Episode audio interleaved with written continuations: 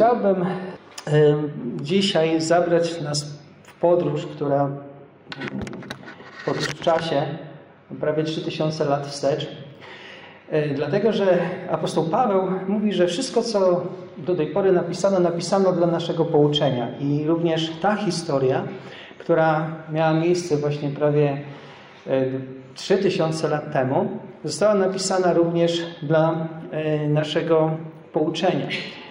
Jesteśmy w roku 850, około 850 roku przed naszą erą, w Królestwie Północnym Izraela, kiedy, kiedy rządzi tam Ahab, bardzo y, zły król, bardzo oddany bałwochwalstwu, również król o słabym charakterze, który, który, którego tak naprawdę ustawia i prowadzi jego, jego żona, która jest i przebiegła, i również oddana bałwochwalstwu, Jezebel. Y, on panował w Izraelu około 20 lat i ta historia ma miejsce w ostatnim roku jego panowania, właściwie ostatnie tygodnie jego, jego panowania. Y, dlaczego ona może być dla nas dzisiaj ważna? Dlatego, że ona dotyczy kwestii, które dla nas są bliskie. Kwestii związanych z rozpoznaniem Bożej woli, kwestii związanych z tym, jak y, postąpić, znając Bożą wolę, albo y, kogo posłuchać, czym się kierować. Również dotyczy kwestii y, odwagi. Dlatego, że żeby posłuchać Boga, często Potrzebna jest po prostu odwaga, cywilna odwaga, moralna odwaga, jakkolwiek by ją nazwać, potrzebna jest taka odwaga. I w tym również zawiera się w tej historii kwestia autorytetu. Czy kogo posłucham?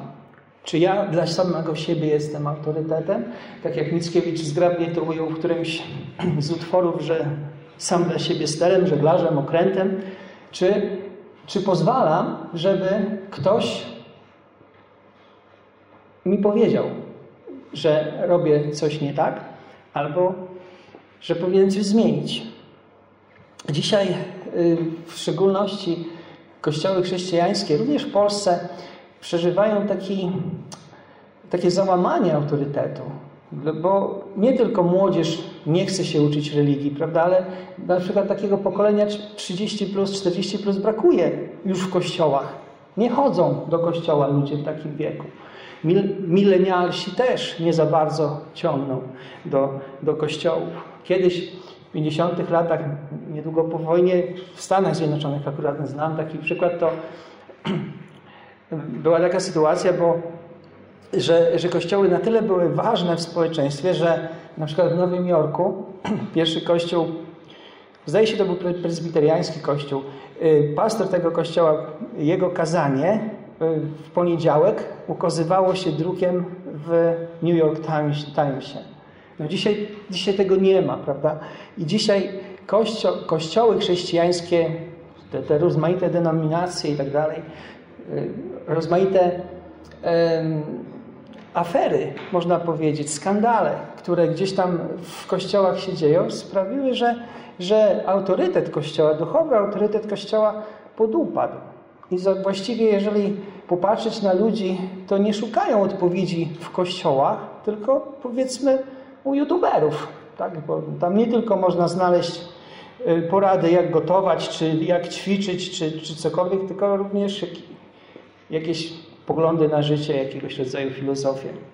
No i, no i teraz e, generalnie wiatr, że tak można by powiedzieć, jest przeciwko, przeciwko chrześcijaństwu, przeciwko kościołom. E, I e, okazuje się, że w rozmaitych kontekstach przychodzi nam decydować, jak, jaką, jaką pozycję zająć, jakie słowa powiedzieć. Czy bronić swojej wiary, czy może lepiej przemilczeć, czy trzymać się prawdy, czy może taktycznie ją właśnie y, jakoś tam omijać. I trzeba odwagi. I myślę właśnie, że dlatego ta historia Ahaba bardzo zgrabny, bardzo taki przystępny sposób dla każdego z nas zilustruje te kwestie, o których przed chwilą mówiłem. Kto z Was ma Biblię, zachęcam, by otworzyć ją na pierwszej księdze królewskiej. To jest rozdział 22. I zachęcam do śledzenia tego tekstu. To jest opis, kiedy Ahab spotyka się z królem Jehoszafatem. On był spowinowacony z tym królem, dzieci się pobrały i był pokój pomiędzy Królestwem Północnym i Południowym Izraela. E, był też pokój e, pomiędzy, pomiędzy królem Ahabem, czy Północnym Królestwem, a królestwem sąsiadującym królestwem e, Syrii, Aramu, bo wtedy to, to była nazwa Aram, dzisiaj to jest, to jest Syria. I w tym momencie, kiedy Jehoszafat przyjeżdża do króla Ahaba, ucztują, świętują. Ahab w którymś momencie wpada na pomysł, że przecież jego ojciec kiedyś y, zdobył miasto, które się nazywało, to miasto się nazywało Ramot w Gileadzie, a teraz to miasto należy do Syrii. Więc wpada Ahab na pomysł, żeby, że, że trzeba by odbić to miasto, że trzeba je zdobyć. I y, pyta się Jehoszafata, czy Jehoszafat dołączy do niego. No Jehoszafat myśli, odpowiedział tak w pierwszej chwili, oczywiście, moi ludzie to twoi ludzie, ja, razem, moje ręce to twoje ręce, moje konie to twoje konie, razem pójdziemy. Tylko jedną rzecz powiedział. Chciał wiedzieć, jaka jest wola Jahwe. Chciał się zapytać proroków o to, czy rzeczywiście mają, mają pójść na tę wojnę, czy, czy nie. No i oczywiście Achab ma proroków. Y, zawołał, czy zgromadził i utrzymywał 400 proroków. Taki sporawy batalion, można by powiedzieć. I tych 400 mężczyzn, jak jeden mąż, można by powiedzieć, powiedziało: Niech król wyrusza, Bóg odda Ramot w Twoje ręce, zwycięstwo jest pewne i tak dalej. Jednogłośnie. Jeden z biblistów, Cyrus Gordon, nazwał tych, tych y, proroków bandą dworskich pochlebców. Trochę tak jak każdy dyktator otacza się tymi, którzy są dla niego pochlebcami i którzy przytakują mu i którzy po prostu mówią mu to, co on chce, chce słyszeć.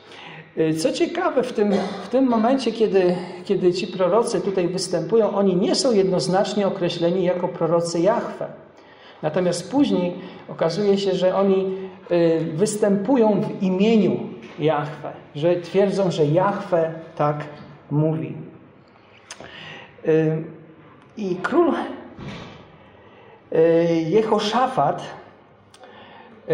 oczywiście słyszał to, to, co ci prorocy mówili. Natomiast ciągle gdzieś tam w jego sercu pozostawała pewna niepewność. I, i powiedział to Ahabowi. No, mówi, czy, czy można by posłuchać kogoś, kto, kto prorokuje w imieniu Jahwe?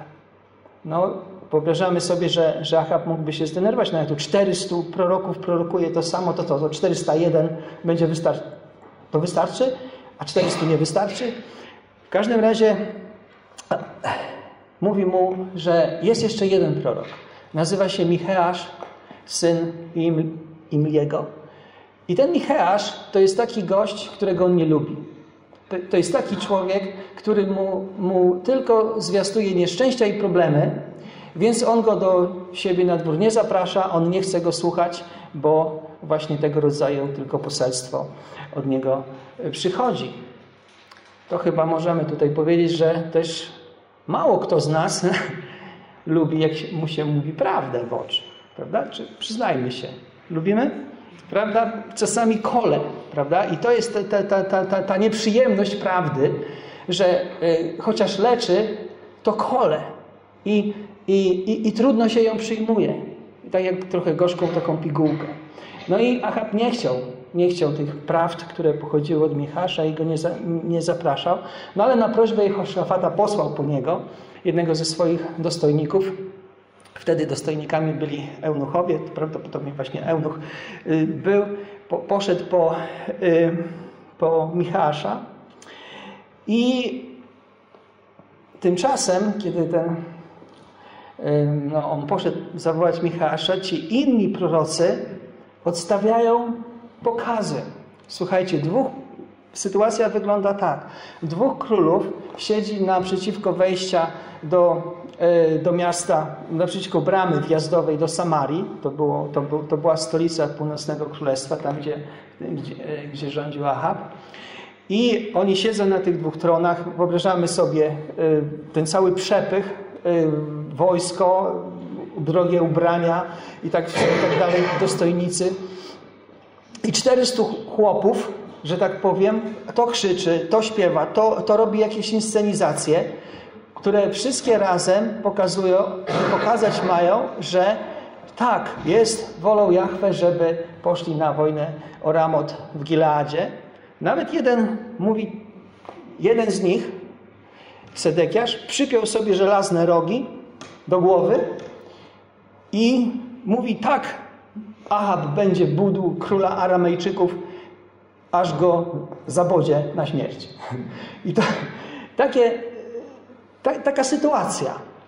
No i wszyscy, wszyscy jednocześnie zapowiadali zwycięstwo. No i ten posłaniec, e, który przychodzi do Michała, mówi mu, jaka jest sytuacja. Słuchaj, Wszyscy 400 proroków mówi, że ma być zwycięstwo. Dobrze będzie, jeżeli też powiesz, że, jest, że będzie zwycięstwo. Ale w tym momencie zauważmy, co Michał mówi. Ten 14 werset. W różnych tłumaczeniach on może inaczej brzmieć. Jako żyje Pan, powiem tylko to, co Pan powie do mnie. Jako żyje Pan, powiem tylko to, co Pan powie do mnie. To jest, słuchajcie, przykład czegoś, co możemy nazwać moralną odwagą, cywilną odwagą, żeby stać po stronie prawdy za jakąkolwiek cenę. Słowa oczywiście mogą się rozmijać z czynami. Ta pierwsza deklaracja, którą powiedział, może nie być potwierdzona czynami, ale w przypadku Michała właśnie tak było, że to, co powiedział, później potwierdził e, tym, co zrobił. I wyobraźmy sobie właśnie Michała. Wchodzi na ten plac, gdzie, gdzie są te trony, gdzie, gdzie jest tych 400 proroków, którzy odstawiają te przedstawienia. E, jest ostrzeżony przez tego dostojnika, co ma mówić. Ma świadomość tego, co tych 400 powiedziało. I pytają się go. Pytają się go, że no ale zanim, zanim do tego przejdę, to trzeba tutaj taką małą dygresję yy, powiedzieć. Ludzie przez wieki, przez wieki uważali, że prorocy nie tylko wypowiadają proroctwa, ale powodują, że te proroctwa się spełniają. Taka, taka była mentalność, że w związku z tym, jeżeli, y, jeżeli skłonię proroka do tego, żeby powiedział co innego, to wtedy stanie się to co innego. Wyobrażamy to sobie? Bardzo długi czas ludzie w taki sposób uważali i tak postępowali. I Achab prawdopodobnie właśnie w taki sposób myślał, że jeżeli skłoniłby Michała do tego, żeby powiedział inaczej, to wtedy rzeczywistość byłaby by inna. Presja, która na nim była wtedy, była, była presją, zauważmy, polityczną na początku. Władcy, królowie chcą od niego potwierdzenia dla swoich planów. To jest onieśmielające, kiedy się wchodzi do dyrektora, tak? do, do prezesa jakiegoś, do, do jakiegoś takiego kierownika, od którego się zależy. Prawda? I teraz druga presja, która była na Michałaszu, to była presja tych, tych, tych, no, tych proroków, tych ludzi, którzy byli jego, jak to nazwać, kolegami z zawodu, czy ja, jak, jak, jak ich nazwać, prawda? Rówieśników można by powiedzieć, jak się mówi na przykład o, nastolatkach, tak, że to są presja rówieśników. Ale tutaj no, presja rówieśników w sensie takim, że, że oni byli prorokami, jak Michał był prorokami. I zauważcie, jak to jest podobne do tego, że czasami w naszych sytuacjach życiowych pojawiają się okoliczności, kiedy, kiedy nie jest nam zręcznie stawać po, po stronie prawdy. Kiedy wydaje się, że jest, że jest łatwiej, że jest korzystniej pewne rzeczy przemilczeć, z pewnych, pewnych rzeczach pójść na kompromis, bo jest ta presja. Bo co powie ten, ten, ten, ten, ten, ten lider, przed którym odpowiadam, albo co powiedzą ci moi rówieśnicy, jak w oczach ich wypadnę, jeżeli na przykład przyznam się, że jestem, jestem kimś, kto oddał swoje życie Chrystusowi. Czy ten człowiek popuka się w głowę i powie, co ty jesteś nawiedzony? Czy, czy co on o mnie pomyśli, tak? I teraz tutaj mamy tę sytuację, że ta presja na, na Michaszu była, ale w historii patrząc, y, pomyślmy sobie na przykład o takich ludziach, y, y, no, nawet z Biblii. Herod Tetarcha i Jan Chrzciciel. On mówi, Jan Chrzciciel mówił Herodowi, czego nie powinien Herod robić. Mianowicie nie powinien żyć z żoną swojego brata. Herod gdzieś tam po cichu jakoś może mu nawet przyznawał rację, ale nic z tym nie zrobił. W dodatku uwięził Jana. I się okazało później, że w wyniku tego e, tańca i tak dalej, to znacie tę historię z Ewangelii, stracił głowę. Dlatego, że był wierny Bogu, dlatego, że zwrócił uwagę władcy, dlatego, że stanął po stronie prawdy. Inna, taka może bardziej świecka e, historia. E, w tym roku jest tak obchodzony w całej Polsce tak zwany rok kopernikański no każdy z nas pamięta, wie ze szkoły, że Kopernik to był ten, kto wstrzymał Słońce, ruszył Ziemię, tak? Polskiego wydało plemię.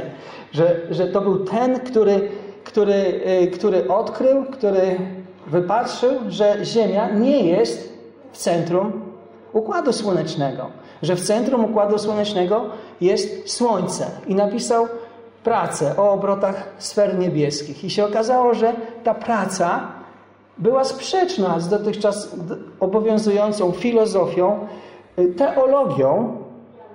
Kościół się przeciwko niemu zwrócił, y, z nauką obecną i z przekonaniem ludzi, którzy, którzy żyli. Przecież każdy widział, że to słońce wschodzi tam, zachodzi tam, okrąża Ziemię. Nie? Kopernik napisał dzieło, które, które było w poprzek wszelkim przekonaniom jego czasów. Co więcej, E, on, e, jego następca Galileusz, e, który jest zaliczany do jednych z największych fizyków w ogóle żyjących na, w historii, potwierdzał odkrycia, odkrycia Kopernika i popadł w konflikt ze świętym oficjum. Był oficjalnie prześladowany przez Kościół za poglądy. I odwołał pod presją te poglądy, żeby nie skończyć w więzieniu, żeby nie skończyć na stosie, prawda, jako heretyk. Dzisiaj wiemy, że to był, że miał rację. I także jesteśmy, nie tylko oni byli, ale my również poddawani pewnym presjom. I teraz co zrobimy w takich momentach? Jak się zachowamy? Jaką opcję wybierzemy? Prawda? Czy, czy poddamy się, czy, czy, czy pozostaniemy po stronie prawdy. Michał musiał się zmierzyć z tą presją i tą polityczną, i presją tych tak zwanych rówieśników. Oni byli generalnie, ci rówieśnicy jego, tak mówiąc w cudzysłowie, byli płatnymi prorokami. To znaczy król Achab ich utrzymywał. Płacił im, więc w ich własnym interesie było to, żeby, żeby mówić takie rzeczy, które są Y, na korzyść dla, dla króla. Y, zobaczcie jeszcze, tak wracając do tych takich przykładów naszych życiowych, y, w środowisku akademickim, w środowisku nauki, jak trudno dzisiaj jest być człowiekiem, który ma przekonania chrześcijańskie. To, jest, to, to się bierze od mm, jakby jakby patrząc od takiego pojęcia wielkiego wybuchu przez pojęcie, przez kwestie związane z nader, no z tymi nadertalczykami, wiecie o czym mówię, nie? Po, po to, jak się definiuje początek życia i czy można, w którym momencie można robić aborcję, gdzie się zaczyna życie, gdzieś i tak dalej, prawda, to jeżeli, jeżeli ktoś ma, ma poglądy, które są kształtowane Pismem Świętym i wejdzie w debaty z jakimiś profesorami utytułowanymi, albo wejdzie w środowisko, gdzie, albo napisze jakiś artykuł, to całe środowisko go, że tak powiem, może odepchnąć, jakoś wyśmiać, no wyśmiać tą, prawda, ale w taki sposób stwierdzić, że to, co mówi, jest kompletnie nienaukowe i nie, i nie nadaje się do, do akademii, nie, nie, nie nadaje się do, do, do, do nauki. I wielu profesorów gdzieś tam idzie w takie, takie ścieżki właśnie akceptujące czy, czy, czy, czy, czy podważające, podważające Pismo Święte, czy przekaz Pisma Święte, Świętego. No i y, Michał staje przed tymi dwoma królami. Pada to samo pytanie, które wcześniej padło do, do tych 400 proroków. No tak. I on odpowiada im. I pierwsze co mówi, no to mówi, no tak, idźcie, zwyciężycie. Pan wydaje w ręce króla. Ale coś musiało być w tonie tego, tego co powiedział, co, co sprawiło, że nawet Achab nie przyjął jego słów. Zauważcie w, w tekście, że y, w pierwszym momencie można by przyjąć, że Michał potwierdza to, to, co powiedział tych 400 proroków wcześniej. Natomiast najwidoczniej był jakiś taki sarkazm, nie wiem, ironia y, w, w tonie głosu Michała, która sprawiła, że nawet Achab wezwał go, słuchaj, ile razy mam ci mówić, żebyś mówił mi tylko prawdę? Michał mówi, aha, to chcesz prawdy, tak? no to mówi że widział Izraela rozproszonego jak owce, bez pasterza. I na końcu wezwanie, żeby powrócili w pokoju do domu. Czyli takie wprost przesłanie, żeby nie szli na tą wojnę, bo przegrają i żeby zostali, zostali w domu. To było przesłanie, które, e, które pochodziło od Jahwe. I Michał to przesłanie przekazał. Tak więc obaj ci królowie i ci wszyscy prorocy, którzy tam byli, słyszeli to, co, to, to, co Michał powiedział w imieniu Jachwę. Yy, I Achab w tym momencie mówi do, do Jehoszafata, a widzisz, mówiłem ci, że ten mówi mi tylko nieszczęścia. Tak? Czyli potwierdził, że, że miał rację. Ale Michał mówi coś jeszcze. Michał opowiada historię, taką jakby e, opowiada to co, to, co widział, swoją wizję e, tego, co zaszło w niebie. Powiedział, że w niebie było spotkanie duchów i, było, i była tylko jedna kwestia do, do rozważenia. A kwestia polegała na tym, jak zwieść Ahaba. Jak doprowadzić do jego zniszczenia. Jeden mówił to, drugi tamto. W końcu jeden duch występuje i mówi: Ja, ja wiem, jak to zrobić. Ja sprawię, ja stanę się tym duchem kłamliwym w ustach jego proroków i on w to uwierzy. I wtedy Pan powiedział: Tak, ty to zrobisz i, i, i to zrobił. Powiedział to wtedy, ale słuchajcie, to jest przesłanie do nas. Dlatego, że yy, jak pomyślimy sobie, dlaczego Achab zginął, to Achab zginął dlatego, że posłuchał fałszywych proroków. Dlatego my dzisiaj musimy uważać i wy dzisiaj uważajcie, jakich kaznodziejów słuchacie. Sprawdzajcie, czy to, co mówi, jest prawdą. Musicie uważać dzisiaj, jakie książki czytacie, jakich konferencji słuchacie, jakich youtuberów, za kim idziecie, kogo popieracie, jaki ekspert jest tym, kogo uznajecie i co ten ekspert reprezentuje sobą.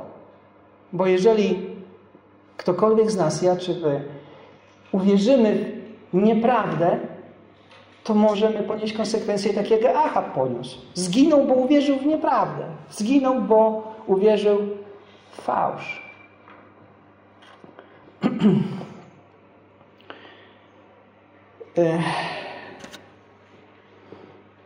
Poszli na bitwę. Czyli mimo tego, że Michał powiedział to, co powiedział, nie usłuchał go Ahab, nie usłuchał go Jehoszafat. Mimo tego, że najpierw do, domagał się tego, żeby, żeby poznać wolę Pana z ust proroka Jahwe. To jednak poznawszy ją, nie posłuchali. Bitwa rozegrała się tak. Najpierw Ahab przebrał się za zwykłego żołnierza, król Jehoszafat pozostał w swoich e, szatach i potem w czasie bitwy żołnierze aramejscy rozpoznali, że Jehoszafat nie jest królem Samarii i e, zostawili go. Jehoszafat przeżył bitwę, natomiast ktoś przypadkiem napiął łuk, wypuścił strzałę i ta strzała utkwiła w szparze pomiędzy częściami zbroi Ahaba, raniąc go dotkliwie. Ahab walczył dalej w ciągu dnia, a potem go zawieziono do Samarii. Wieczorem umarł.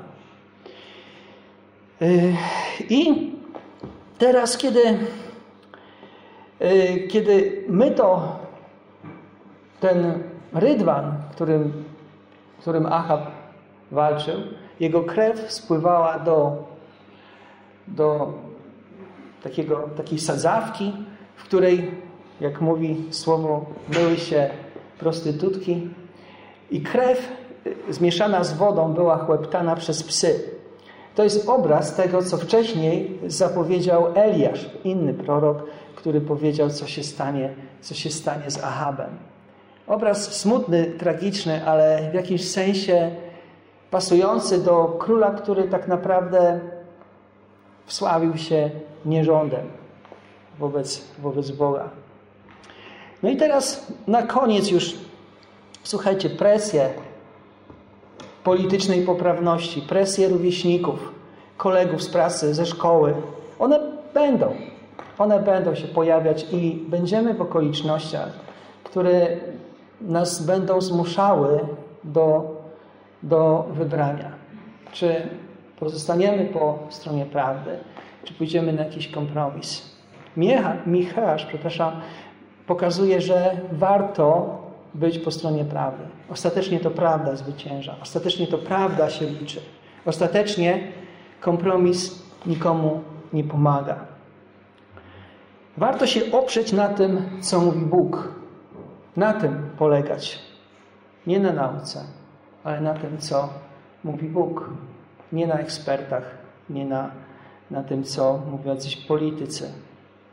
Co ciekawe, druga rzecz. Achab wiedział, jaka jest Boża wola. Jehoszafat wiedział, jaka jest Boża wola. Ale nie postąpili zgodnie z tą wiedzą.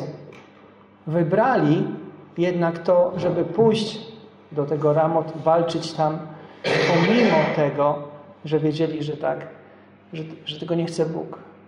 Podejrzewać można, że, że y, było jakieś napięcie, prawda? Jeżeli postawcie siebie na miejscu Jehoszafata, jak byście się czuli, idąc na, to, na tę wojnę? Czy bylibyście 100% pewni, że wszystko będzie dobrze?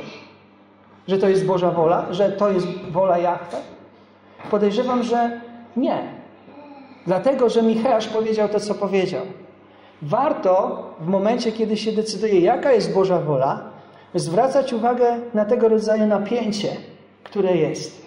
Może pięciu, sześciu, ośmiu przyjaznych nam ludzi mówi, że dobrze robię, ale może jeden człowiek powiedział coś innego. I może warto Zwrócić uwagę na to, co on powiedział, przeanalizować to, zastanowić się nad tym i wtedy zdecydować. Słuchajcie, Ahab i Jehoszafat poszli na tę wojnę. Ahab zginął.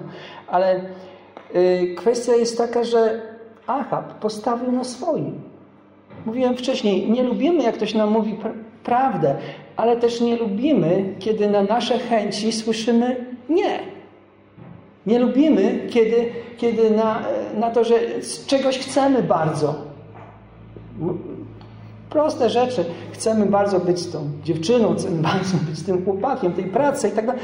Chcemy bardzo czegoś, chcemy bardzo coś kupić, prawda? Drogie to jest, ale kredyt trzeba, no ale chcemy bardzo chcemy gdzieś tam wyjechać i ktoś mówi, mam uczucie w sercu.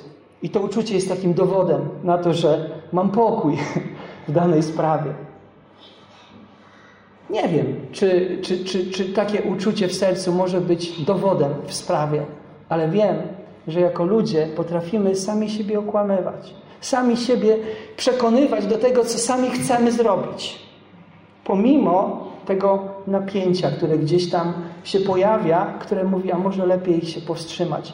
Może lepiej rzeczywiście hamulec włączyć i nie iść tą drogą, nie podjąć tej decyzji.